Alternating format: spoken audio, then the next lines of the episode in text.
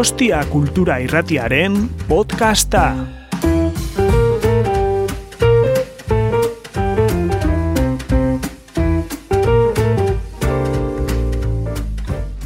Buenas tardes.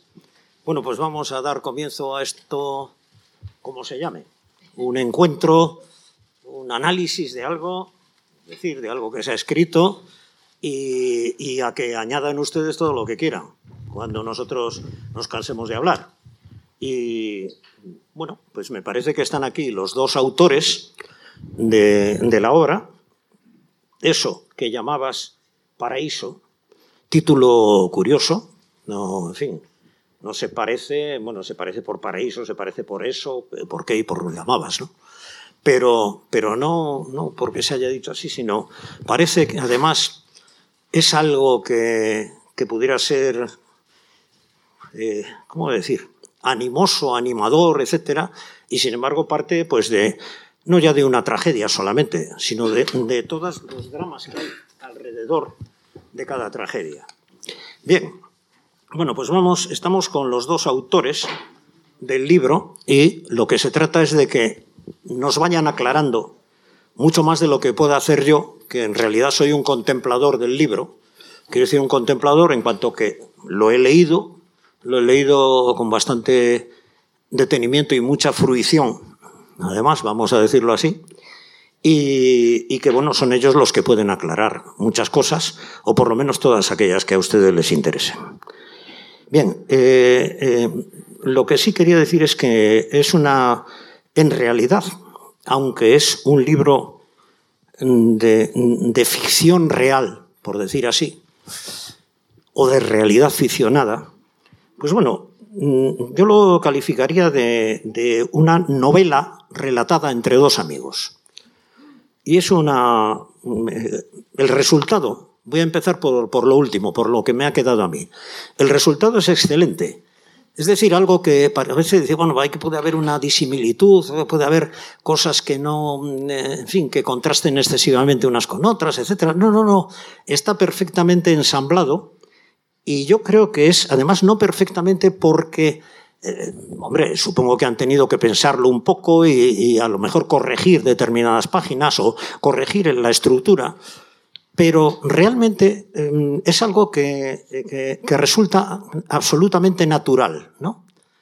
Y, y bueno, pues es, un, es una, y lo he llamado novela, novela relatada entre dos amigos. Pues me parece que es así. Y bueno, utiliza una diversidad enorme de formas, de tiempos, de, estilos, de todo. Es decir, eh, eso le da una, nos da a todos los lectores una impresión de, eh, ¿cómo decir?, de espontaneidad incluso, ¿no? ¿Eh? aunque supongo que está muy bien pensado y sobre todo a la hora de, eh, de poderlo, de poder eh, exponer página tras página y como lo hacíamos y tal. A lo mejor me desmienten ellos y bueno, pues si es así, estaré encantado de que, de que, de no haber acertado, porque será otra cosa que me gusta a mí también. Cuando añado algo, algo que he leído, pues, pues me gusta siempre. Aunque eso esté en contraposición con lo que yo mismo he pensado. Quiero decir que me enriquece. Entonces, eh, yo creo que hay una, una, agilidad enorme en el relato. Eh, está, está, trufado de literatura pura, eh, por el cómo, por la manera de hacerlo, por, bueno, pues por los pensamientos, las opiniones, las sensaciones y todo. Y realmente es algo que lo mismo podría haber sido inventado que tomarlo al pie de la letra exactamente. Y yo creo que tiene las dos cosas.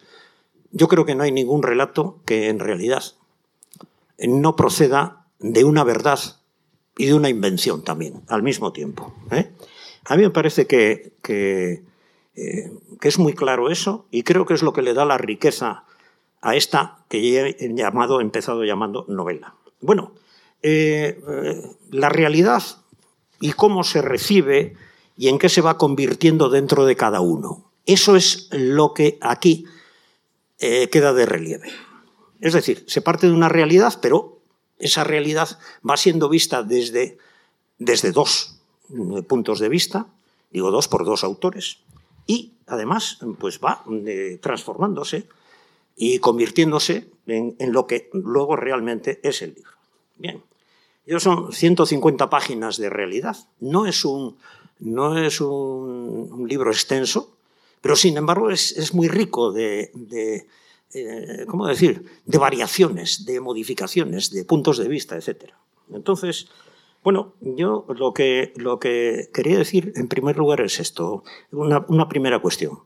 Una novela relatada mm, entre dos amigos, que se la relatan uno al otro y a su vez los dos a otros. ¿no? Es como si estuviéramos aquí mismo ahora, ¿no? que ellos estuvieran hablando de una cuestión que plantea, el otro va, continúa con ella y nosotros al mismo tiempo vamos pensando y vamos también añadiendo cosas, nuestras preguntas, etcétera, porque ellos también se las hacen dentro de, dentro de la obra. Y eso añade un tercer, no cabe duda, pues un tercer eh, escritor, por decir así. Bueno, eh, yo creo que hay que, eh, bueno, podríamos decir que ese es, es, el arranque de lo que yo quería decir. Hay una, una segunda cosa que es bueno, ¿qué es? ¿Qué, son? Primero, los dos autores. ¿Qué es lo que me ha llamado la, la atención? ¿Qué, son los dos autores? Europeos.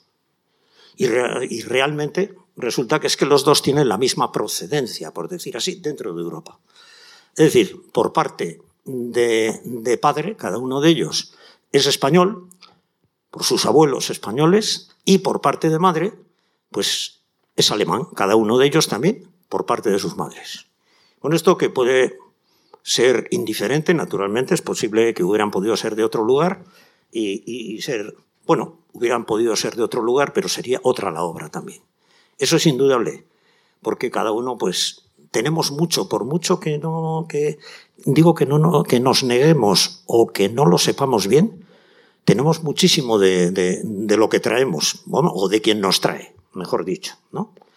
Bueno, pues eh, naturalmente que hay, esta, cuestión que es, eh, bueno, que como digo, he querido señalarla porque es, curioso porque hay una similitud entre ellos que indudablemente en su conocimiento, cuando se conocieron de adolescentes, pues, pues yo supongo que, que tuvo algo que ver con el entendimiento posterior también aún sin pensarlo ellos, porque lo que eran era, eh, dos alumnos de un colegio de San Sebastián y bueno, yo creo que se encontraron con alguna eh, similitud ellos mismos y entonces empezaron a hablar y se empezaron a contar cosas. Y así han seguido durante muchos años, aunque parece que durante muchos años, parece digo porque no lo sé bien, que durante muchos años pues ellos no tuvieron contacto o por lo menos no, no se quisieron poner a hablar al mismo tiempo. Y digo hablar al mismo tiempo por la hora, ¿no? Esta hora. Y entonces, eh, bueno, yo pienso que hay otra, otra cuestión que también es importante eh, y que yo quería, quería subrayar, para ya meterme en la obra como es. Hay un camino, todos los libros tienen un camino, como toda obra, ¿no? ¿Eh? Y a mi juicio, en algo que está escrito por dos, entre dos y uno con otro, yo creo que hay, siempre y, lo he podido, lo he podido eh, delatar, por decir así, en muchas obras que tienen esas mismas características. Hay un hablar primero, hay un sentir después, hay un pensar, hay un, expresar y luego hay un escribir. Bueno, hablar, pues sí, porque pues ambos hablan a lo largo del tiempo, ellos hablan. Quiero decir, hablan entre ellos, pues cuando, haya sido, cuando ellos han gestado la obra o mucho antes. Las obras se gestan mucho, seguramente en nuestra propia, quiero decir por parte de los escritores, en su propia infancia o en su propia adolescencia, o lo que sea. ¿Por qué? Bueno, hay dos amigos que se encuentran o dos, eh, chicos que se hacen amigos y entonces, bueno, hablan. ¿eh? Y luego está el sentir, que lo hacen ambos, eh, bueno, pues ambos, cada uno por sí mismo siente acerca de aquello que han hablado, ellos que se han hablado, que se han comunicado. Y luego hay otra cosa a continuación que se hace, es que ya se comunican ambos, ambos mm, comunicados, llegan a pensar. Después de pensar, claro, lo que hay es expresar. Pensar, una cosa es pensar, comunicarse más o menos, y luego expresar que cada uno sobre eso que habían hablado, vuelven a hablar unos con otro, uno con otro, ¿no?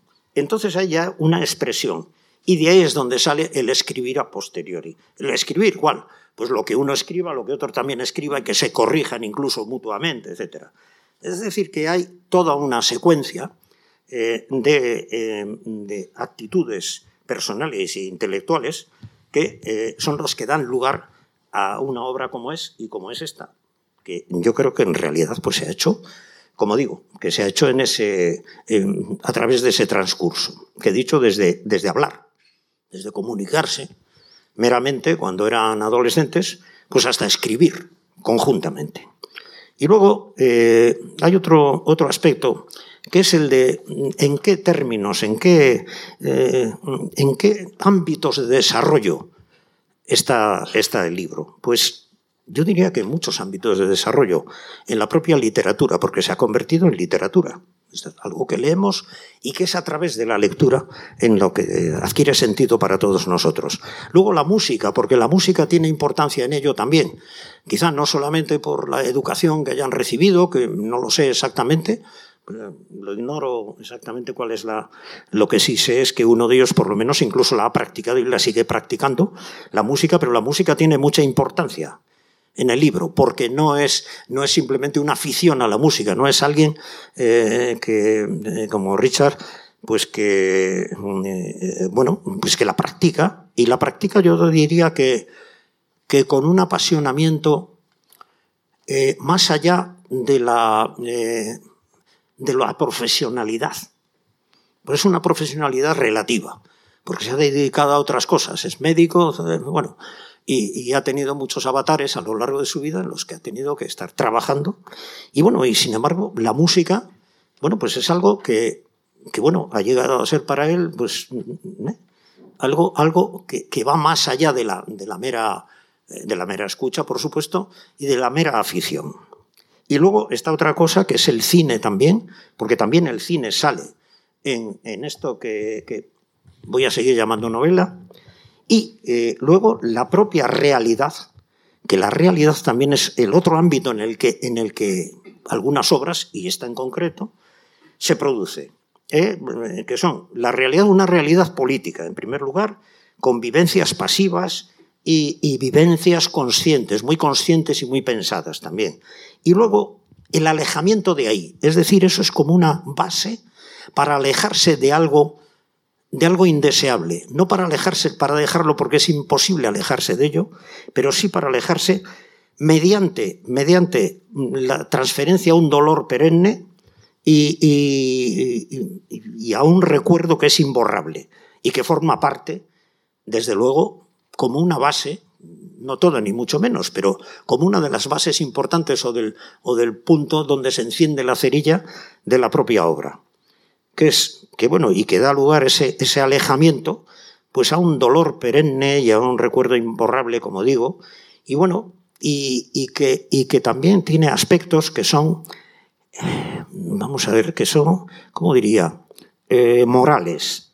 Una es el que además está dicho en algún momento fuera de fuera del contexto de la obra dice no quiero perdonar puedo olvidar y no quiero perdonar es que es que el, puedo olvidar, esto mm, está en mí, en mí mismo, ¿no?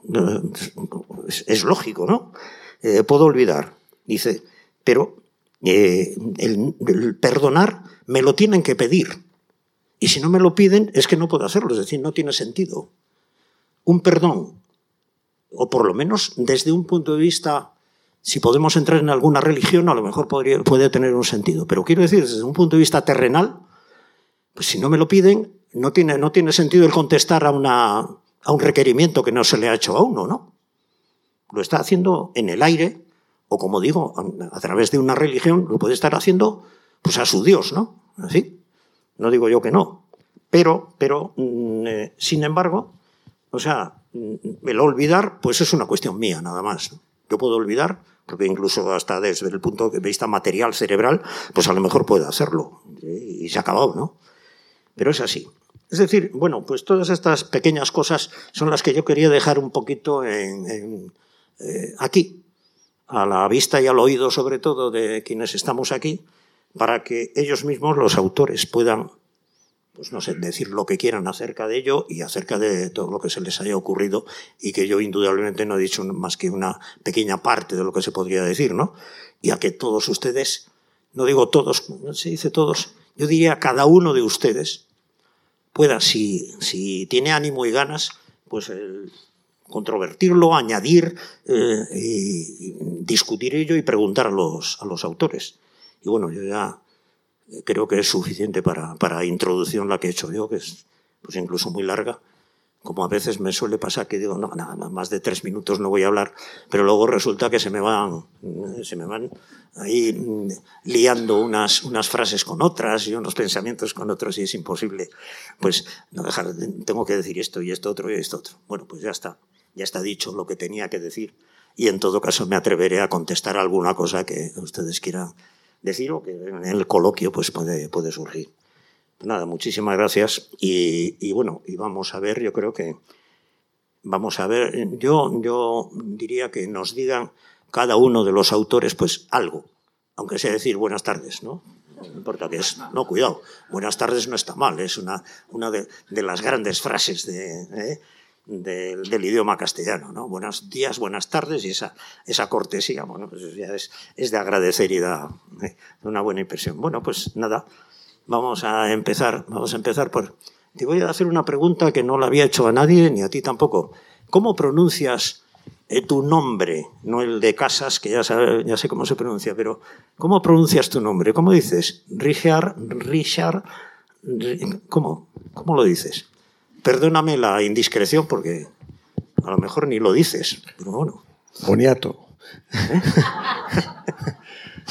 no, me pueden llamar como quieran. No, ya, ya, eso sí. Pero tú...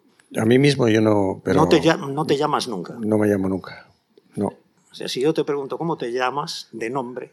Pues si no te conociera, te diría Ricardo, si estoy en un contexto español. Sí. Si estoy en Alemania, a lo mejor diría Richard. Richard. Si estoy en Francia, diría Richard. Sí, por eso. Pues, eh, Richard. En... Ah, ad libitum, ¿no? Como decía alguien. Sí, y a veces dice, hola, ah, Carlos, digo, sí, Carlos, me puedes llamar como quieras. Sí, muy bien. No tengo problema. Bueno, nada. Bueno, pues nada, pasemos a, ¿eh? al. A ti te llamo Paco siempre. No, el segundo no. al, al, otro, al otro autor. ¿eh? Eh, ¿qué, bueno, ¿qué primera cosa tardes, puedes querer decir? No sé si funciona el. Sí, pues dale, ¿Funciona? Que salga el rojo. Sí. Te... No, el verde, ¿no? No, no, el rojo, el rojo. Habla, se oye, se oye. Tú habla. ¿Ahora? ¿Ahora? Sí, buenas tardes y muchas gracias por, por venir. Eh, me, también la pregunta iba para mí de cómo me llamo. Pues no está mal. Sí. Pues eh, sí, no, es que es una buena pregunta porque me han llamado de muchas formas y yo, yo depende de si, si estoy un poco enfadado conmigo mismo me llamo Uzcanga, no sé por qué, me sale, me sale el apellido, sí. Y si no... El apellido paterno. El apellido paterno. El apellido paterno. Sí.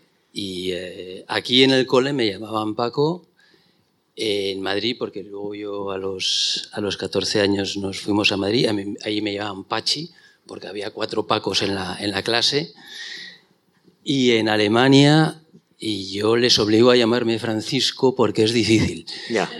Porque Paco en alemán suena mal. O sea, el Además, una, una, una, vez eh, escuché Paco, que alguien Paco llamaba. Paco a su perro. Paco suena... Y entonces, en Alemania me llaman Francisco. ¿Y, en- solo en Alemania te, el apellido materno te dicen alguna vez? Meineke. No.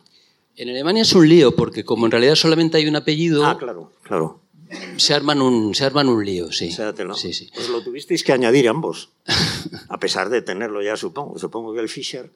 A veces me llaman Fisher, así, cuando me quieren dar como Cuando un te enfoque como raro. Fastidiar un poco más. El ¿no? Fisher. Hola, Fisher. No, la Fischer. Y, Hola. Pescador, ¿cierto? Bueno. Bueno, pues nada. Venga, vamos a, a decir vosotros lo que queráis, si queréis intervenir así de entrada o, o ya que, que quien sea que se atreva a hablar. Cualquiera Estoy deseando aprender del público siempre. Bueno, yo eh, lo único que puedo decir después de tu, de tu introducción es que eh, a los autores siempre nos resulta muy difícil hablar de lo que hemos escrito, porque eh, muchas veces no, no a, a, pesar de que sea una obra que no es una obra de ficción, es decir, en puridad no es una novela, pero aún así el proceso de creación siempre se te escapa, ¿no? Y entonces eh, muchas veces, pues, cuando vuelves la vista atrás, eh, te sorprendes incluso de, cómo has acabado llegando hasta allí, ¿no? Eh, yo lo que puedo contar es un poco cómo, cómo empezó toda la, toda la historia, ¿no? Cómo se, se gestó el libro. Eh, eh, en realidad, o sea, el momento en el que yo eh, decidí escribir, bueno, decidí, en el momento en el que me surgió la idea de, de, planteárselo a Richard, fue un día en el que yo estaba en casa, lo cuento al, comienzo del libro, no sé, los que lo hayáis leído lo, lo conoceréis, y era en medio de la pandemia, yo estaba preparando las clases y mi hijo de 17 años estaba estudiando para la, para la selectividad y llamaron al timbre y eh, a mí no me apetecía abrir y cogí el telefonillo, eran los de la calefacción, querían revisar la caldera, en fin, al final les, les abrí y cuando abrí la puerta me sobresalté porque vi a dos eh, operarios vestidos con, con, monos de trabajo y unas cajas de metal en la, en la mano. Y me sobresalté porque era la, la, yo lo conocía, porque lo había leído en el periódico, la, la imagen que vio el padre de Richard cuando, en realidad la última imagen, ¿no? Cuando abrió, él abrió la puerta a los terroristas que iban vestidos de, de operarios, decían que, que, necesitaban abrir una zanja y que tenía que retirar el coche, entonces él abrió la puerta y lo, y lo acribillaron.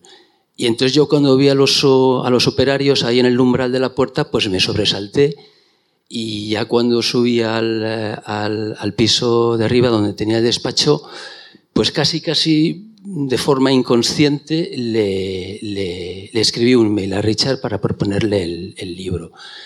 Sí es cierto que yo tenía la idea eh, eh, de escribir algo sobre Richard desde que nos habíamos eh, reencontrado unos años, unos años antes, cuando me contó su, su, su vida, que, que es muy novelesca es una vida muy, sí, trágicamente novelesca, pero bueno, también con momentos muy, muy bonitos y entonces yo sí que tenía la idea de escribirla, pero sobre todo centrándome en su faceta de, de, pianista. Ese era un poquito el centro del libro. Por eso quiero aclarar ya que el libro no, no fue planteado desde el principio como un libro sobre una víctima del, del terrorismo, es un libro sobre Richard. De hecho, yo lo pensaba titular Luego, si quieres, comento algo sobre el título porque no es nuestro. Eh, yo lo quería titular al principio Vida de Richard. No sé si conocéis un libro de, de Josep Pla que se llama Vida de Manolo, que es eh, un libro que él escribe sobre un amigo suyo escultor que se llama Manuel Huguet. Entonces él pues, escribe un poco con él también ese libro. Yo quería hacer algo, algo, algo, algo parecido. Eh, así se lo propuse a Richard y y ahora te paso el micrófono a ti. Pues muchas gracias. Y bueno, hoy me, me vienen muchos flashes en, al cerebro ¿no? al, al, venir aquí. Un día tan lluvioso, tan típicamente de Donostierra. Iba desde la estación que venía de Entrenoy, desde Valladolid, y entonces estaba recorriendo un poco el camino y, y sabía que iba a encontrar pues media clase de los, los amigos del cole, ¿no? sobre, sobre los cuales gira un poco esta novela, ¿no?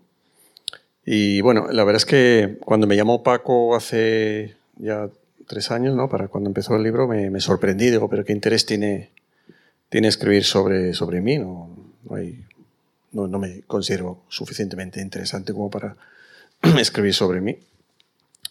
Pero Paco me lo propuso y bueno, me dejé seducir, pero bajo la condición, con la condición de que él aportara su versión también, ¿no? Porque él también de alguna manera es, una víctima de lo que, lo que nos ha pasado a mí y a mi familia, ¿no?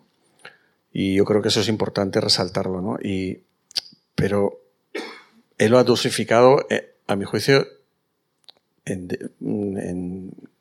con exceso de defecto, valga la contradicción. Pero bueno, eh, tampoco querías tú dar más enfoque al tema sobre el cual gira el libro, sino Mm, llenarlo con otros contenidos más lúdicos, ¿no? como sobre el piano, referencias a la literatura que él hace, ¿no? desde su acervo de conocimiento sobre la literatura. Y, en ese sentido, pues el libro se ha ido gestando. El libro lo ha escrito él, ¿eh? o sea, el, autor, el, artista del libro es Paco. Yo solamente me he prestado como personaje, he añadido algunos testimonios, nos hemos peleado pues, en algunos enfoques y tal. Yo hago yo que sé, hoy aquí yo creo que falta un acento, yo que sé, una tontería gramatical. Y, y, y, bueno, así surgió todo, ¿no? Y bueno, y me, me, alegra mucho ver las viejas caras de los amigos del cole en un día tan de difícil llegada hasta aquí. O sea, muy meritorio que estéis aquí. Un placer. Y nada, seguimos, seguimos con, eh, yo difiero un poco, pero ese tema ya lo hemos tratado muchas veces. El, eh, eh, el libro es como si rodáramos una película, el guion es de los dos. Yo he hecho una estadística, el 43% es la contribución tuya. Y yo soy un poco como el cámara y tú eres el protagonista. ¿no? Y, y así se ha ido, digamos, rodando un poco la película. Así que autores somos los dos. Y es cierto eso de que se ha ido, se ha ido haciendo a lo largo del, tiempo. Este es un libro un poco work in progress en el sentido de que los acontecimientos nos influían. Bueno, es un libro pandémico, eh, eh, es un libro que también, eh, pues en medio del libro nos tocó la guerra, la guerra de Ucrania.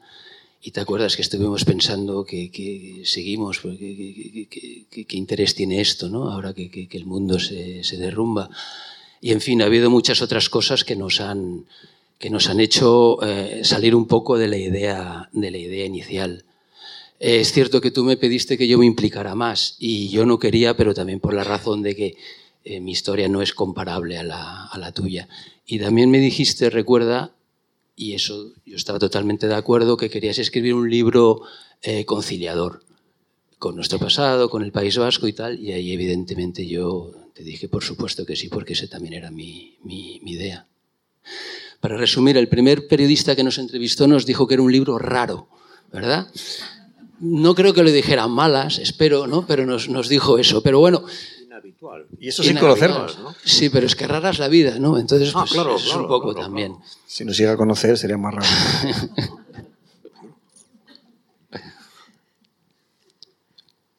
¿Quieres decir algo? No, no, no. A ver qué. no sé, quizás para, para darle un cierto dinamismo, a lo mejor, si queréis vosotros directamente hacer alguna pregunta, alguna curiosidad que tengáis. sí. Yo lo que quiero es que. Sobre la, marcha, pues como estamos en familia, porque está mi familia, están mis vecinos, están los del cole, los amigos de mis amigos, son mis amigos. Bueno, no está mal, es una familia eh, ya multiplicada, ¿eh? Amigos, amigos de los amigos. ¿Eh? Bueno, pues venga, yo sí quiero oír, quiero oír alguna voz, por lo menos. Porque llevamos oyendo tres voces nada más. ¿eh? ¿Qué venga.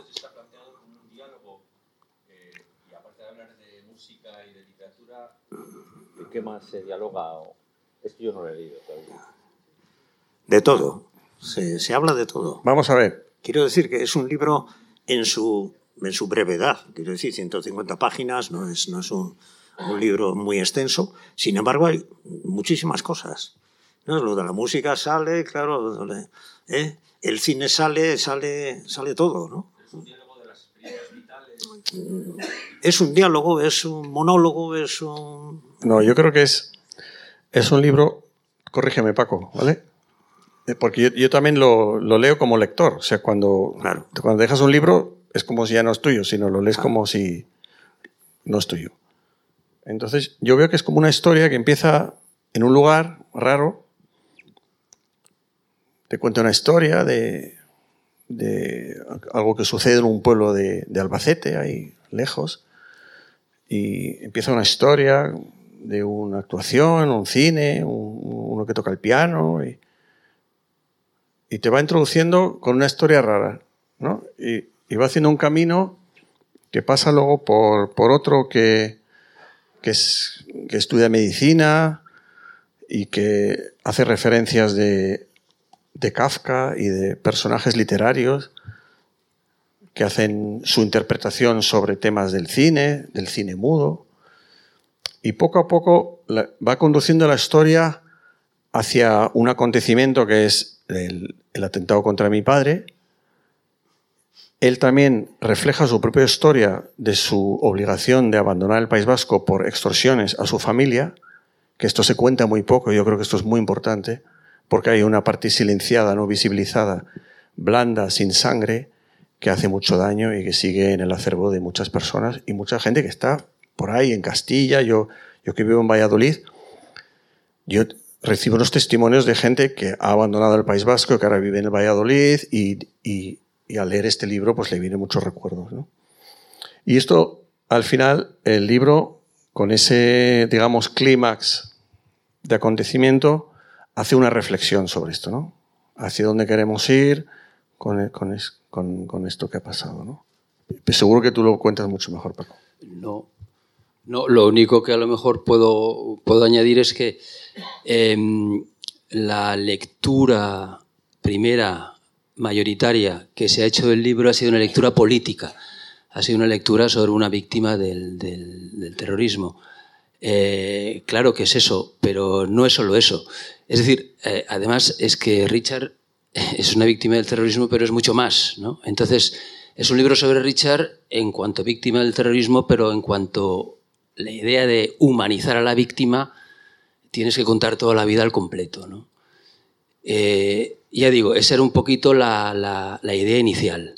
Y luego es cierto que el libro que estaba planteada como una biografía escrita por mí sobre Richard, pues fue evolucionando hacia, sí, lo que ha dicho usted al principio, una conversación entre los dos. Entonces también se puede considerar como una conversación pues, de dos amigos que se han reencontrado después de mucho tiempo y repasan un poco pues, su trayectoria y también, evidentemente, su etapa en el, País Vasco. ¿no? Sí, yo diría que, no sé si estoy de acuerdo, es que el libro lo que menos es es un informe policíaco. ¿eh? O sea, que quiere decir que eso es el, meollo de la cuestión, de esa muerte, bueno, que informa, que informa otras vidas y que informa la vida sobre todo de Richard. ¿eh? Bien, pero, pero no es eso. El libro es mucho más. Como casi siempre un libro bueno, pues es mucho más que aquello que, eh, que parece querer significar o que aquello que cuenta incluso, ¿no? El libro es un libro ya, es decir, que ya eh, tiene significado aquello que se cuenta. Es decir, no es solamente que sucedió esto y esto y esto. esto es, eso es un informe periodístico o, o policíaco en todo caso. Pero, pero es mucho más, es un libro. Y, y, dentro de ese libro es, es, literatura también. Es que por eso, por eso yo lo llamo novela al principio. Quiero decir, porque, porque hay novelas que son seguramente mucho más copiadas de la pura realidad que, que esta misma. Porque esta lo que hay es muchos pensamientos sobre eso. E incluso ese diálogo entre ambos autores que está continuamente, continuamente a través del libro, ¿no? yo creo que en ese sentido es un libro con un valor literario muy, muy grande. ¿eh? Y eso yo, yo lo animo a leer, animo a leerlo porque es, eh, porque es muy interesante desde ese punto de vista. Y eso todo aquel que lo lee tiene que sentirlo. O sea, está sintiendo que está leyendo algo que está mucho más allá. Bueno, pues eso dice, bueno, me van a hablar de aquello que sucedió y tal. ¿eh? más o menos, pues como tantas otras veces la ha podido leer. No, no, no, no. Es algo realmente muy interesante desde un punto de vista del lector. ¿eh? Para el lector es muy interesante. Y yo creo que, bueno, yo sigo queriendo oír la voz de... Venga. ¿El título? A ver, ¿de dónde sacáis el título? El título. Sí, ¿de dónde habéis sacado el título? Porque el, el, título frente a lo que luego el contenido del libro pues parece que no tiene nada que ver, ¿no? Bueno, el título sí, que está sacado de una, de una frase del, del, libro que sí que, que sí que es una de las frases claves del libro, pero el título no, no, era el título original.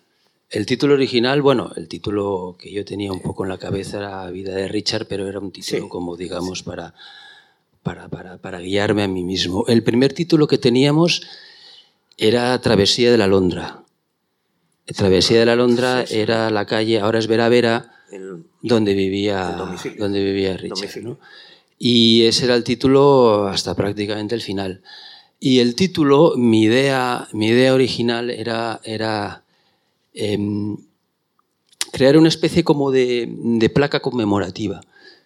No sé si conocéis, eh, yo las he visto, en Alemania las hay muchas, eh, yo las he visto aquí también en, en la, en la avenida.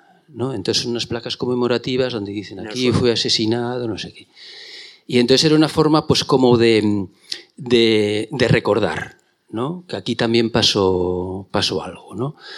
Eh, ese era el título un poco original, o sea, el título original y luego el, el editor, siempre, muchas veces son los editores, nos propuso, nos propuso eh, eh, cambiar el título. A mí me pareció un, horror, porque es como si le cambias el, nombre al hijo que, está a punto de nacer y con el que llevas pensando ya muchos meses. Eh, y luego creo que fueron nues- nuestras mujeres, ¿verdad? Que dijeron, no, si es mucho mejor el título del editor. Y entonces, pues ya, con ese... Ya no había discusión. Sí, claro, es que el editor comunica ahí con las mujeres como lectores. El propio editor es lector y tal, y vosotros sois escritores. Cuidado que es. El editor, En lo que yo escribo también, pues eso. ninguna queja, es una no, persona no. magnífica, pero claro, siempre mira un poco la parte, un poco, digamos, claro, de, de marketing comercial, del digamos, comercial así. libro. El subtítulo también es... es, es Pues queda muy es bien. o sea, realmente queda, queda muy bien. Quizás yo podría añadir aquí algo al respecto. Si os fijáis en la portada hay, hay un pájaro volando sobre la, la barandilla de, de Donosti que es tan emblemática, ¿no? Y es una alondra, es, es de- o pretende ser una alondra. Sí. Y el título está sacado de una frase del propio libro donde se cita, donde tú, tú me, me decías, eso que llamabas el paraíso. ¿no? ¿Qué significa esto? El paraíso en este caso es San Sebastián. Y yo lo, yo lo, lo califico como el paraíso por, por, por, tantas cosas, ¿no? Porque yo, yo llegué de Alemania, de un país centroeuropeo, con el cielo parecido al de hoy en verano, o sea, es, es un clima poco amable, y llegué en, en- en verano a San Sebastián, con la playa, con el ambiente que hay, pues eso ya es un paraíso y sigue siendo un paraíso. Por, su belleza natural. Pero luego hay una, belle- una belleza y un, paraíso por sus personas. Y esto, lo he vivido yo desde el primer momento, ¿no? Empezando por mi familia y empezando por también vosotros que estáis aquí del cole. Yo he pasado un montón de tardes enteras en, en casas de amigos que están aquí entre el público, grandes personajes y grandes, grandes artistas y grandes músicos, grandes músicos y grandes pianistas. Y yo debo mi, mi- mi arte pianístico mucho a estas personas que están aquí. ¿eh? Están Eugenio, están Iñaki y hay otros que, que no están, pero tenemos una... Bueno, está Pablo también, aunque le conocí más tarde. Y, y esto, esto marca mucho a, a un niño de, de 12 años o 14 cuando ya me empecé a escolarizar. Entonces toda esta vida en, el, en San Sebastián pues era un paraíso, ¿no? Y, y bueno, eh, lo que se quiere resaltar en este libro un poco es que cómo en un sitio tan paradisiaco, con una gente tan increíble, puede haber cosas tan atroces como lo que se ha vivido aquí durante tantos años, ¿no? Que es como un, no sé, un oxímoron, ¿no? Es una cosa completamente que no tiene sentido, ¿no? Y es un poco parte del libro, ¿no? Que se hace una reflexión sobre esto, ¿no? Y por esto el título, ¿no? que al final nos ha convencido del autor, no nos ha forzado, ¿eh? sino nos lo ha sugerido y nos ha parecido una, una buena, buena elección. Yo creo que el, el- el título es muy bueno, ¿eh? El título es muy bueno, cuidado, ¿no? Por, por Me he dejado a Marta, que acaba de llegar, Y por lo que... la gran pianista, junto con Miguel, su marido. Gente increíble. Sí, sí. Yo creo que el título es referencial de cosas y sobre todo que contrasta, claro. Está contando eso, eso que llamabas paraíso, pero al decirlo en, en pasado, pues resulta que ya, ya va diciendo que, que hay algo que se ha truncado ahí, ¿no? ¿Eh? No, no, a mí me parece que quedó muy bien. O sea, el editor acertó y acertaron quienes le habían sugerido algo. Bueno, vuelvo a insistir. Sí, muchas gracias. A ver. Sí, a, mí eh, el título es de las cosas que me ha parecido particularmente acertado y que refleja muy bien el libro, porque no es solo una experiencia de Richard, sino que es la experiencia de muchas personas. Y hay muchas personas, bueno, primero los propios donostiarras, que nos encanta nuestra ciudad, pero también muchas personas que han venido de fuera y cuánto les gusta, y a muchos de ellos qué cruelmente les ha tratado San Sebastián. ¿no? Entonces tiene estas, estas dos facetas. Bueno, y eh, yo soy como 10 años mayor que vosotros y entonces me, me impactó mucho en el libro el, la descripción que haces de San Sebastián, que te has documentado, ¿no, Paco? Para hacerlo. Eh, para eh, describir aquellos años, lo que fueron los. Sí, sí, en algunas cosas he consultado la, la hemeroteca. O sea, es una cosa, una mezcla de recuerdos y sí, algunos datos concretos los he consultado en la hemeroteca. Para los que vivimos aquellos años, bueno, y, desde luego el, atentado de Enrique Casas, todas las víctimas es injusto, pero todos no te marcan igual y para, para los que vivimos aquellos años fue un, impactazo terrible. Y, mm, me, me, trajo perfectamente a la memoria el, ambiente tremendo que, al mismo tiempo vivíamos, como bien reflejas en el libro, con cierta normalidad, que es una cosa tremenda. Mm. Y también tiene como...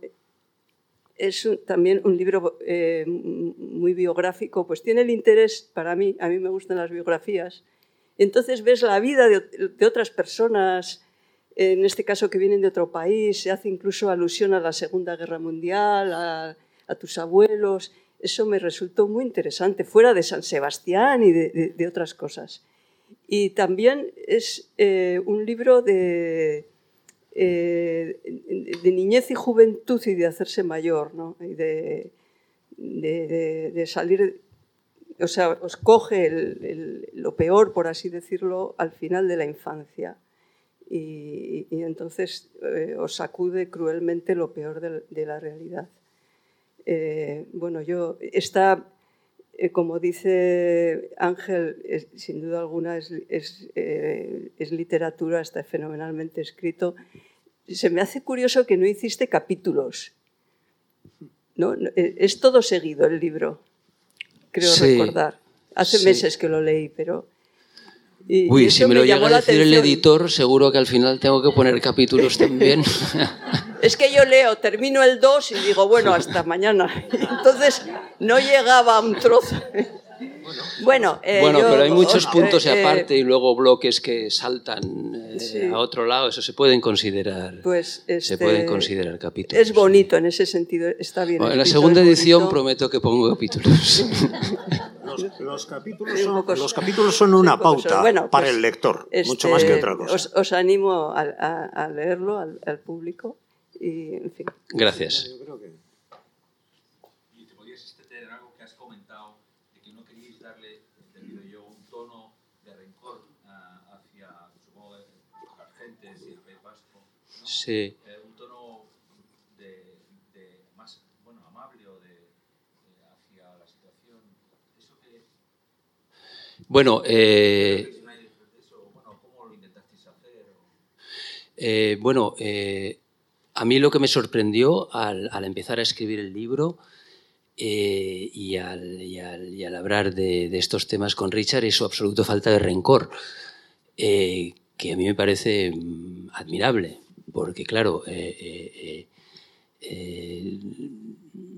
yo en su caso no sé si habría reaccionado así, ya te digo, mi caso no es comparable. Yo no sentir rencor en ningún momento, tampoco tenía, digamos, motivos. Sí que tuve un distanciamiento. De hecho, a raíz del... yo vivía en Madrid y a raíz del, del, atentado al padre de Richard yo acabé hastiado. Y de hecho, durante muchos años no, no quise saber nada prácticamente del País Vasco. Luego ya me fui a Alemania, en fin, mi vida dio muchas vueltas y tal, y estuve mucho tiempo sin, sin venir aquí. Pero en ningún momento tuve rencor ni nada. Pero es que en el caso de Richard es, me parece a mí totalmente admirable eso, esa, falta, esa absoluta falta de rencor, que se extiende a su madre Bárbara y a toda la familia. No pasa nada. Que habiéndoles pasado lo que les pasó y luego los que les, lo que les pasó después, porque claro, no solamente es el, asesinato, sino el seguir viviendo aquí en ese, en ese ambiente, pues que en ningún momento eh, eh, se plantearon ni, bueno, ni siquiera salir de aquí, ni siquiera eh, em, odiar a los que merecían ser odiados y que, ya digo, sin absoluta falta de rencor, sacar a una familia adelante y eso siempre me ha causado, me ha causado admiración. ¿no? Y bueno, pues eso también es una cosa que tratamos de, de reflejar en el, en el libro. Pero esa pregunta es más bien para, para, para Richard. ¿no? Yo, yo te digo como, como espectador, ¿no? que me impresiona, sí. Porque motivos tendrías. Bueno, pero Sí, no. no, que, que lo que ocurre, no, es un medio segundo nada más. No, que lo que ocurre es que eso es distinto en cada uno, pero no solamente. Dentro de cada uno también, porque yo he conocido gente que no tenía ningún rencor, después lo adquiere, otros que lo tenían y, lo abandonan ese rencor. O sea que dentro de cada uno también puede haber distintos momentos. Todo depende de también cómo, cómo le- en fin, la vida le sorprenda o le agrada en un momento determinado y a saber cómo se convierte. Somos, no somos una persona desde que nacemos hasta que morimos, somos, somos muchos. Yo creo que es así, sí, sí, sí, no es, sí, sí. Bueno, pasa. sí, Mm, claro. Mm, Tampoco te planteas estar sin rencor en el momento que te suceda algo así, ¿no? Sino, sí, a lo mejor por idiosincrasia. Y yo creo que también las circunstancias han facilitado que, que no cultive ese posible potencial rencor, ¿no? Porque a los pocos meses yo me fui a Alemania, luego estudié medicina en Aragón y el hecho de estar lejos de aquí, del foco duro, digamos, yo creo que me ayudó también a distanciarme psicológicamente. Igual que tú cuando te fuiste a Madrid y a Alemania, yo creo que eso ayudó, ¿no? Con lo cual lo tenía más fácil que a lo mejor mi familia que se quedó aquí y el mérito es desde luego la gente que se quedó aquí resistiendo, ¿no?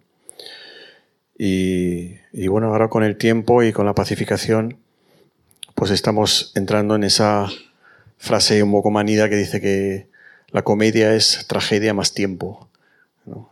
Y estamos, estamos la, la tragedia ha sucedido, pasa el tiempo y, y lo puedes ir rumiando, digiriendo. Y por pura supervivencia y por higiene mental, pues no es, que lo conviertas en una comedia, pero te vas reconciliando y vas, te vas distanciando. ¿no? El rencor, la venganza siempre es muy mala escuela. Entonces, no, no cabe, no cabe, no, no cabe ponerse a la altura de, del mal. Sí, muchas veces porque uno no quiere transmitir tampoco a los que vienen después, no sé, algo, un sentimiento que es negativo en definitiva para uno mismo, ¿no? Muchas veces Sí, además te hay- conviertes en esclavo de, del- de los malhechores, ¿no? Si tienes rencor, pues que es lógico que tenga rencor, ¿no? Ha caído en mi trampa, ¿no? Porque es, es normal. Entonces no... Sí, pero no es muy fácil. Y hay mucha gente que lo intenta pero no lo consigue, ¿no? Eso es...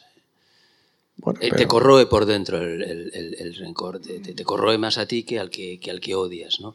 Pero claro, es, es, es- es un privilegio o una suerte o un mérito, ¿no? Poder, eh, poder seguir viviendo así sin, sin, sin No rencor. sabemos ¿no? mucho de los que lo provocan. O sea, de los que eh, hablan poco.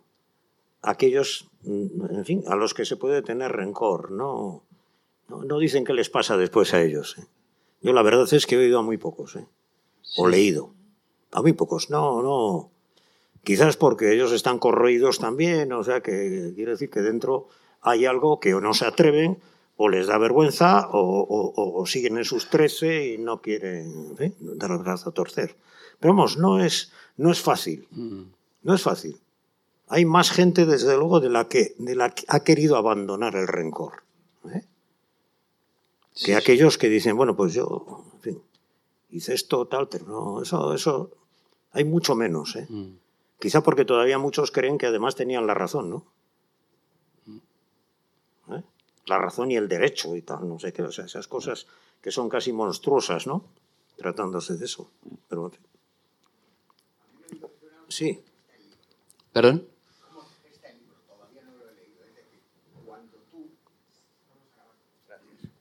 Cuando tú dices, tienes un déjà vu, o sea, estás en plena pandemia, que ya no tiene nada que ver, estás en Alemania y de repente tienes el déjà vu de tu hijo abre una puerta y ve a los fontaneros o los calefactores y tienes el déjà vu de repente que, como tú bien dices, a mí no me afectó tanto, a todos nos ha afectado. Es decir, tu, tu idea es que son dos tíos que vienen algo malo a tu casa en una pandemia.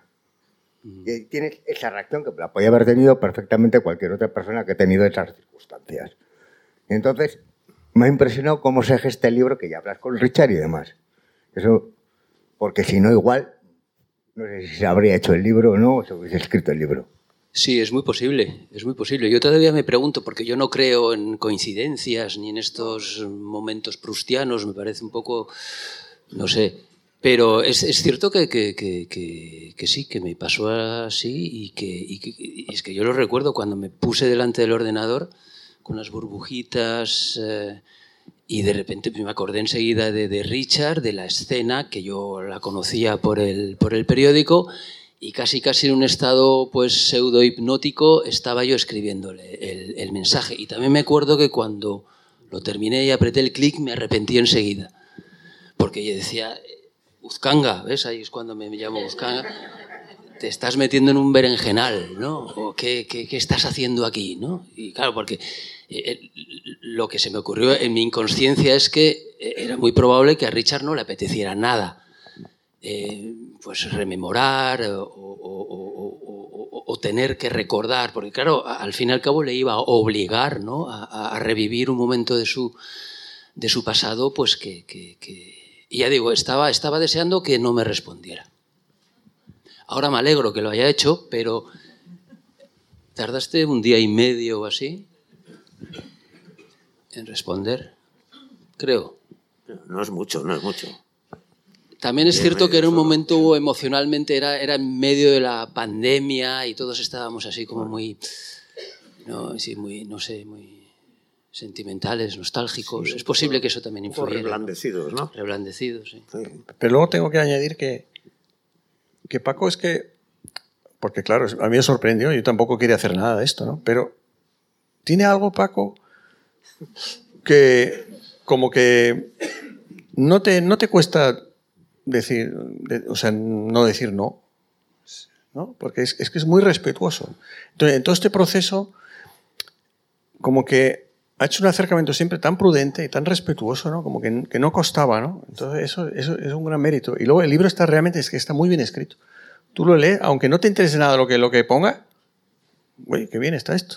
Aunque la temática no... Pero está tan... No, tengo que interrumpir. El libro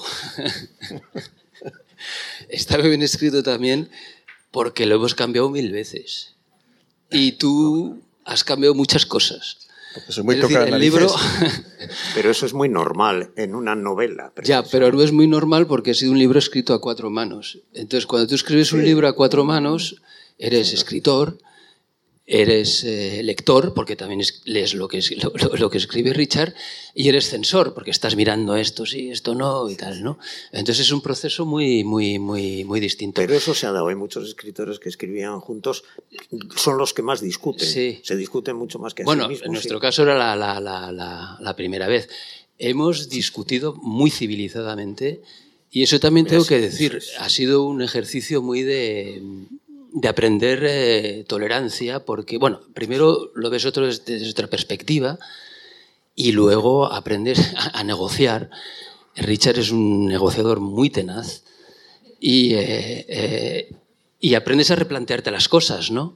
Y a decir, pues tiene razón o no tiene razón, intentas argumentar, contraargumentar. Es decir, las, las primeras versiones del libro difieren mucho de la sobre el proceso de, escritura, de creación, eh, eh, eh, ha, cambiado, ha cambiado mucho.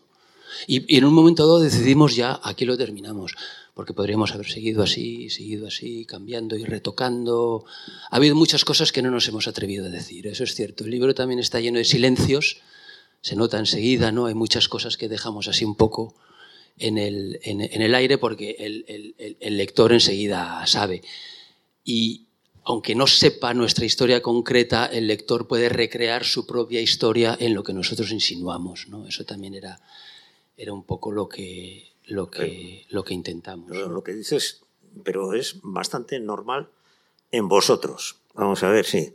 Eh, yo antes he dicho, sois europeos los dos. Tenía que haber añadido, bueno, ahora precisamente, me va bien el decir que sois unos centroeuropeos civilizados, realmente. Sí.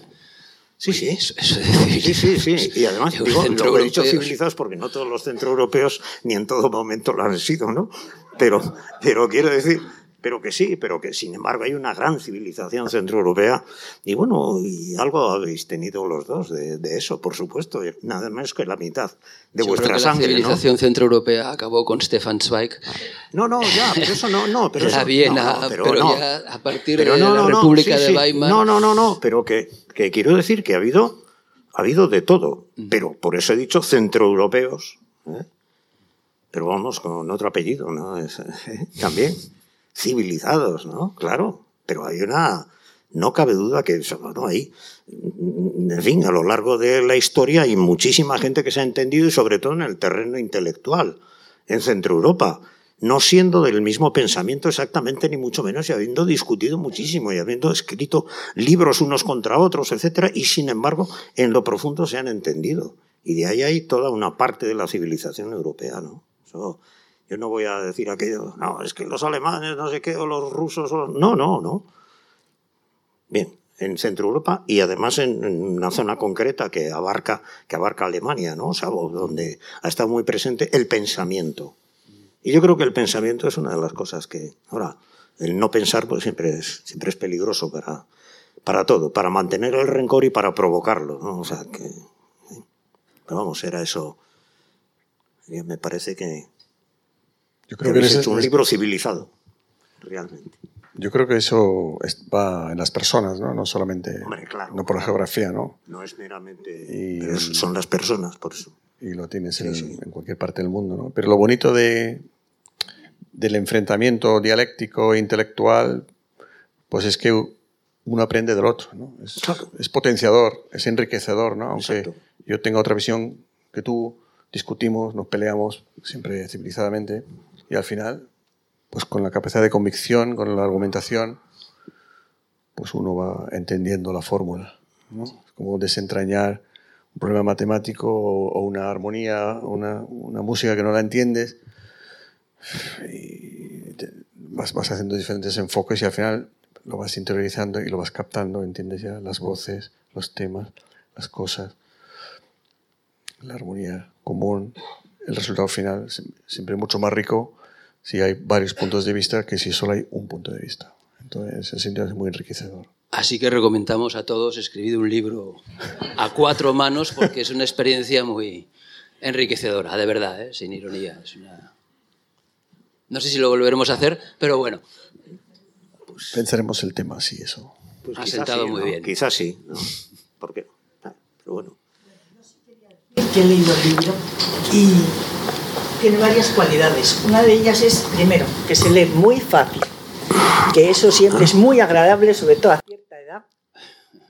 Y se lee muy fácil y refleja muy serenamente, porque sí que podrías decir que se echa en, en falta quizá algún ambiente más mm, agresivo que podía haber en la ciudad, pero precisamente hay que tener en cuenta que la visión es de unos chicos de 14, 15 años y eso refleja muy bien cómo han vivido esos años eh, gente joven en los colegios, donde no se hablaba de nada, en las casas, que yo sé que les decían muchas familias a sus hijos, no habléis de esto en público, no digáis nada, no comentéis nada de lo que ha pasado aquí. Eso era muy habitual.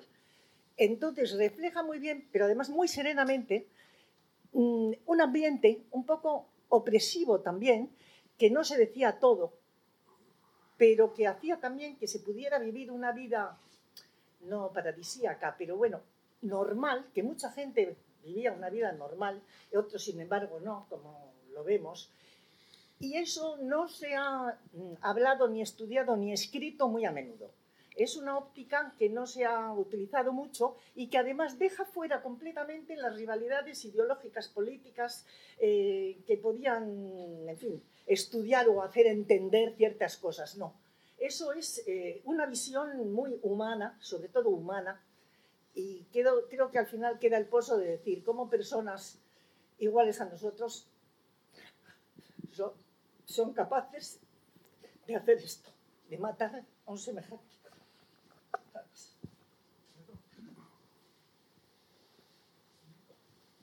Sí, ese es uno de los misterios que siempre llevamos, ¿no? ¿Cómo es posible? ¿Eh? Pues sí. Y bueno, y es algo, yo creo que es inducido siempre. Es decir, hay quienes están de misioneros del rencor. ¿eh? Y, y de, para que el rencor lleve a la acción también. Yo creo que está muy claro. Es necesario, claro, para quienes quieren conseguir eliminar a otros, pues es necesario que... pasa es que probablemente solamente se puedan escribir 40 años después. ¿no? Yo creo que No, una, no, una sociedad necesita tiempo. Yo, que vivo en Alemania, eh, siempre se habla de que Alemania tiene, eh, ha tenido el mérito de, de enfrentarse con su pasado de una forma muy autocrítica, pero tardaron casi 30 años. Es decir, Alemania en el año 45, eh, bueno, la idea era reconstruir el país. Y a partir de los años 50, cuando empezó el milagro económico, eh, la idea era comprarse un Volkswagen Escarabajo y una televisión en color. Es decir, la sociedad quería olvidar, quería... Aquí todo va bien, ¿no? Es decir, fueron los hijos y los nietos de los cómplices culpables o testigos los que se empezaron a preguntar qué ha pasado, qué ha pasado aquí, ¿no? Y entonces eh, esa tal vez serenidad o esa capacidad de preguntarse así un poco con, con curiosidad y además por iniciativa propia, ¿no? porque si lo haces así imponiendo, pues es, puede ser contraproducente. Eso, en el caso del País Vasco, yo creo que todavía se necesita algo de tiempo. Y probablemente sea la generación de nuestros hijos y nuestros nietos los que a lo mejor se planteen ¿no? cómo pudo pasar todo, todo esto. ¿no? Gracias a ti por, por leerlo.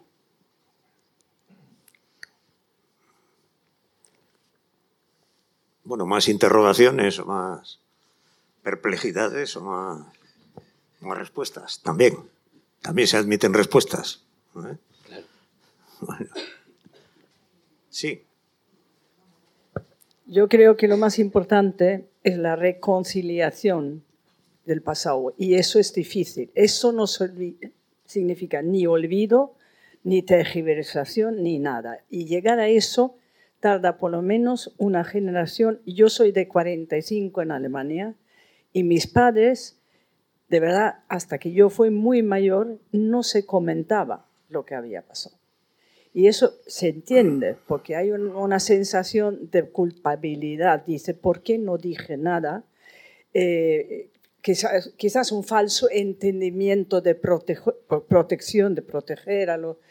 Y aquí me, atrevo a decir, aquí en el País Vasco es la generación siguiente, y, pero quizás los que van a llegar, pero eso necesita que las autoridades también se hagan cómplices de esa reconciliación en su justa medida y sin tergiversación. Y a eso creo yo que estamos todavía esperando en el País Vasco. Gracias. Sí, porque quienes fueron actores y impulsores, pues resulta que no, todavía no se han puesto en otra posición, ¿eh? Claro, de hecho es así. O sea que sus vástagos, pues tampoco en principio se van a poner. Si quienes les, en fin, son los que tenían que cambiar, no cambian, pues los otros que no, no son los que, los que inventaron ni los que indujeron, pues menos, ¿no? Bueno, sería porque era, porque tenía que ser así y cosas de estas, ¿no? Pero bueno. Yo creo que el hecho es que el libro, aparte de darnos para, para hablar ¿eh? De esto y de otras cosas y tal, pues, pues yo creo que, es que es válido de por sí. ¿eh?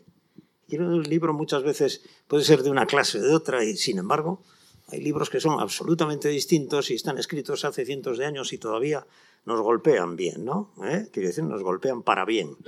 Y bueno, y este pues ya ha empezado, yo creo. ¿eh? Ya ha empezado a, ¿eh? a decir además las cosas de una determinada manera que no es ni panfletaria ni, ni que quiere convertir en no sé qué, ni que quiere hacer un, alegato de... No, no, no. Es decir, bueno, ahí está eso, ¿no? Ahí está eso. Y ahí están los personajes y ahí está lo que sienten, ¿no? Lo que, ¿eh? Me parece que en ese sentido pues es, es muy interesante. Es, creo que es muy válido. ¿eh? Y lo digo en serio. Y, y creo que yo empezó por, por ver que es válido, eso, literariamente, que es válido como escritura. Y claro, eso es lo primero que hay. Si, si un libro no vale, pues no vale para nada, ni, ni para bien, ni para mal, ni para descubrir nada, ni para decir nada, ¿no? Y este sí hay, y, hay estilo, y hay, hay manera de escribir. O es un libro bien escrito, en el sentido, en el sentido estricto literario. ¿eh? Yo, yo animaría a leerlo a cualquiera, desde luego de los que estáis aquí, por supuesto, y a mucha otra gente, que yo creo que a poco que se interese por el tema, le va, le va a interesar. No sé, me parece que eso es así. Pero yo creo que más palabras porque a lo mejor es que, claro, que la mayor parte de vosotros no lo habéis leído seguramente y entonces tampoco os atrevéis a decir nada o todavía no tenéis o habéis empezado a leerlo y todavía no tenéis una idea sobre ello, ¿no? Es que cosa que es muy lógica, ¿no? Y luego es difícil, yo ya sé que es difícil preguntar de un libro que no has leído, decir sí, sabes de lo que es, pero igual meto la pata y ya está. Sí. A mí me parece significativo que, que eh, libros que... Ah, gracias. Eh, libros tan, no sé, como El otro es Patria, de Fernando Aramburu, que también vive en Alemania. Y me parece que... Y otro libro que me pareció muy interesante es de un autor que creo que se apellida Ortega, y no recuerdo el título, pero es sobre los tres jóvenes gallegos que fueron secuestrados y, y, y asesinados y desaparecidos Sí, por. ETA. Y qué casualidad que los autores no viven aquí. Es gente que tiene una distancia. Y me parece que hoy por hoy eh, solo gente que, que Sí, está así fuera. eh, bueno, otros nos hemos quedado aquí y hemos escrito de ello y tenemos libros. y, bueno, Bueno, son, pues los, eso ya es son los que re- recordaba en este momento. por, por una... No, pero es por, por muchas cosas. Yo no... Ahí no se puede decir que es que, hombre, ha podido haber gente que se ha escapado indudablemente y otra gente o que no ha querido, o sea, la ha repugnado seguir y, y se ha ido, ¿no? ¿Eh? Y luego, pues otros que sin embargo se han metido con estos asuntos y, bueno, pues lo han hecho tranquilamente o lo han hecho porque, porque, porque les tiraba el hacerlo, ¿no? Es decir, que les estaba, les estaba ahí reconcomiendo y han tenido que escribir sobre ello, o hemos tenido que escribir sobre ello, ¿no? Y, bueno, no sé, eso sí que son cosas muy personales, ¿no? La mayoría que han escrito sobre esto de aquí desde lejos, porque estaba en otros sitios, pues le ha interesado, y otros porque se han ido a vivir fuera, y bueno, entonces he dicho, pues ahora voy a decir lo que quiera, ¿no? Pero bueno, y otros han permanecido aquí y algo han dicho, algunos tímidamente, desde luego, sobre todo aquellos que se les suponía pues más cercanos a los, a los promovedores de la violencia, ¿no? Esos pues, pues como tendrán parientes, tendrán, tienen gentes afines o cercanas, pues tampoco se han entre o lo hacen un poquito, un poquito de manera suave, ¿no? Sin, ¿eh? Dice, como somos de aquí, Sí. Sí, sí. Hablando de las siguientes generaciones, ¿han leído vuestros hijos el libro y qué han pensado cuando han leído? ¿Les habéis hablado vosotros sobre el tema o No, no? no. No, tampoco. No. Mis- bueno, en mi caso, mis hijos eh, viven en Alemania y eh, no son muy lectores. Les interesa más el fútbol y estas cosas. Bueno, a mí también me interesa el fútbol, pero no, no, no. O sea, el, o sea, a mí te lo digo de verdad. O sea, me causa horror decirle a mi hijo que se lea mi libro. No. Está ahí y si en algún momento le interesa. No, no, no, porque es como, eh, no sé, como dictarle algo o, o- o- o- es como si me dicen, eh, eh, eh, ¿te gustaría que el libro se leyera en los institutos? Pues no. O sea, me gustaría que un chico del instituto pues tuviera curiosidad y leyera el libro, pero si es lectura impuesta, No, no, era más No. por el tema de, de cómo habían eh, tomado ellos esas vivencias, ¿no? Que se las hemos contado, pero que no las han vivido. Ya, pero eh, bueno, es que claro, vamos a ver, mis hijos viven en Alemania, son alemanes, vienen aquí, o sea, ellos conocen Donosti de- de- de- de turistas. Nosotros venimos aquí, bueno, ahora ya no suelen venir con los padres de vacaciones, pero cuando veníamos de vacaciones veníamos en agosto y veníamos de turistas y yo solamente les enseñaba eh, la, la parte bonita. Eh, pues íbamos a la playa, eh, hacia el sur, íbamos a, a ver un partido de fútbol. No, no, no, no, no.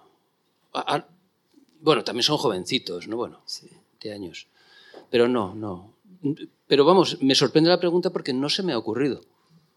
A lo mejor... Yo es que me planteo muchas veces eh, Sí. cómo contarles a mis hijos lo que se ha vivido en aquella época. Claro, viviendo aquí a lo mejor es un poco distinto, pero... Porque, porque quiero que sepan y quiero que lo sepan en una versión Claro, imparcial, pero, pero real. Entonces, sí, sí, sí, sí. Pues mira, ahora cuando vuelva a casa les voy a... A ver, No sé, ya hija Pablito. Lady Paguer la lo lección. leyó porque creía que tenía que leer. Le tomas la lección, ¿no? ¿no? Paco Richard, eh, bueno, yo al margen del libro, que está muy bien escrito y me está gustado, yo lo que quería comentar es que a mí personalmente me emociona ¿no? que, bueno, pues dos compañeros nuestros con los que hemos crecido, pues están aquí, uno escribiendo sobre el otro y dos vidas pues realmente ricas y, bueno, pues oye, deciros que es un orgullo para nosotros, o sea que, muchísimas felicidades pues muchas gracias Juan y además te voy a corresponder, pero totalmente, sinceramente, el libro lo hemos escrito más bien para vosotros, ¿no? Para los compañeros. Bueno, yo me doy Sí, por para los ¿eh? compañeros de clase, para los familiares. Uno, y, y de hecho lo hemos hablado Richard y yo, ha, ha salido en la prensa y tal, pero lo que más nos emociona es cuando uno nos escribe y nos dice, pues el libro me ha gustado, ¿no? Yo me he dado por aludido. ¿Eh? Sí, por eso digo que, que en, en el fondo, claro, como uno no tiene un lector Página abstracto. Sí, a ver, Iñaki. No, es que se ha adelantado Juan porque quería decir exactamente lo mismo. O sea, eh, recogiendo un poco los, los comentarios que se han hecho, es un libro que está muy bien escrito y que yo creo que es eh, de lectura muy, muy recomendada. Yo creo que a todos los donos tierras nos, eh, bueno, pues nos trae muchísimos recuerdos, nos está haciendo un relato muy bien escrito de, bueno, de una edad en la que bueno, pues normalizamos una normalidad, ¿no? Y los que hemos ido y somos amigos de vosotros, eh, pues todavía eh, nos, ha, nos ha movido más cosas. Yo le llamé a, a Richard eh, según acabé el libro. eh, comparto absolutamente lo que decía Juan. Yo he llorado leyendo, leyendo el libro y, y me he emocionado muchísimo. Y le llamé a Richard simplemente para decirle, te quiero, estoy muy orgulloso de ser eh, amigo tuyo y estoy muy orgulloso de ser amigo tuyo también, Paco. Y esto que tú decías, Paco, esa generosidad, esa falta y esa ausencia de, rencor y de, eh, en, una persona como Richard, que, queda perfectamente reflejada y muchas de las cosas que nosotros desconocíamos cuando aparece Richard con 12 años en clase y que ya le vimos que era un, era un chico muy especial, ¿no? con unas habilidades enseguida.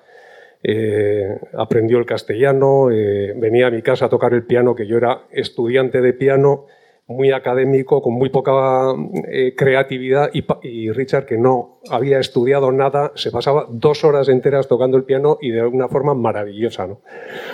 Y bueno, quería decir que, que- que me ha encantado que muchos de los relatos de la primerísima eh, infancia de Richard, que eran absolutamente desconocidos desde una persona que creo que le conocía bien, eh, me han emocionado absolutamente y probablemente ese relato tan exquisito que haces tú, Paco, de, la vida de Richard, con todos esos silencios que dices, porque creo que no se trata de eso, no se trata de posicionamiento político, no se trata de crítica política, se trata de, un reflejo de, lo que vivimos todos los Donostierras.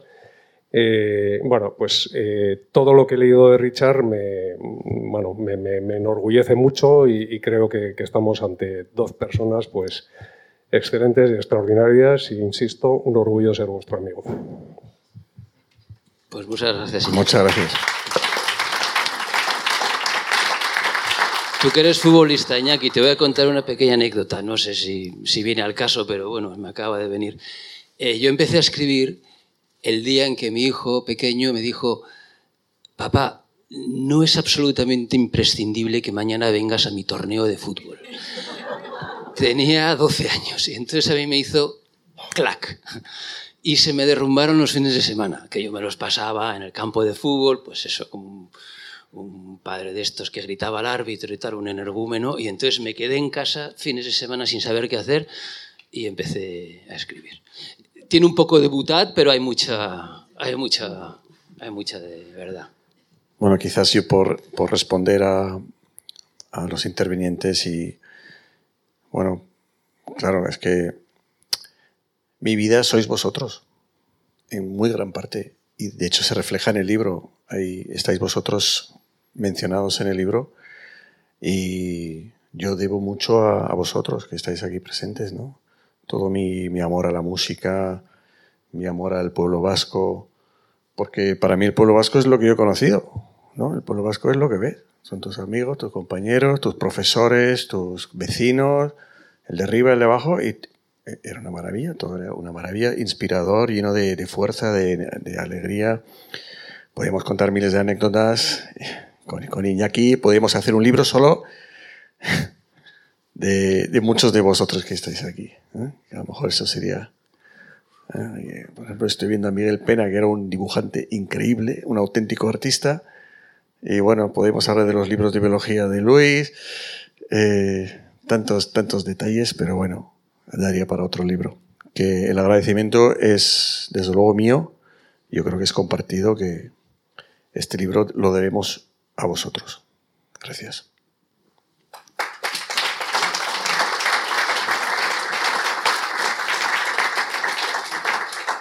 Bueno, pues parece que este aplauso rubrica más o menos lo que hemos estado eh, diciendo aquí esta tarde. Y bueno, pues nada, muchísimas gracias a todos por estar aquí y a recomendar que se lea el libro, que es lo mejor que se puede hacer.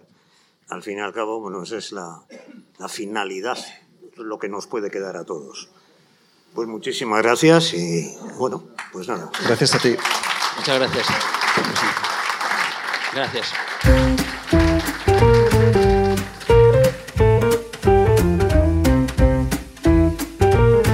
Donostia Kultura Irratiaren podcasta.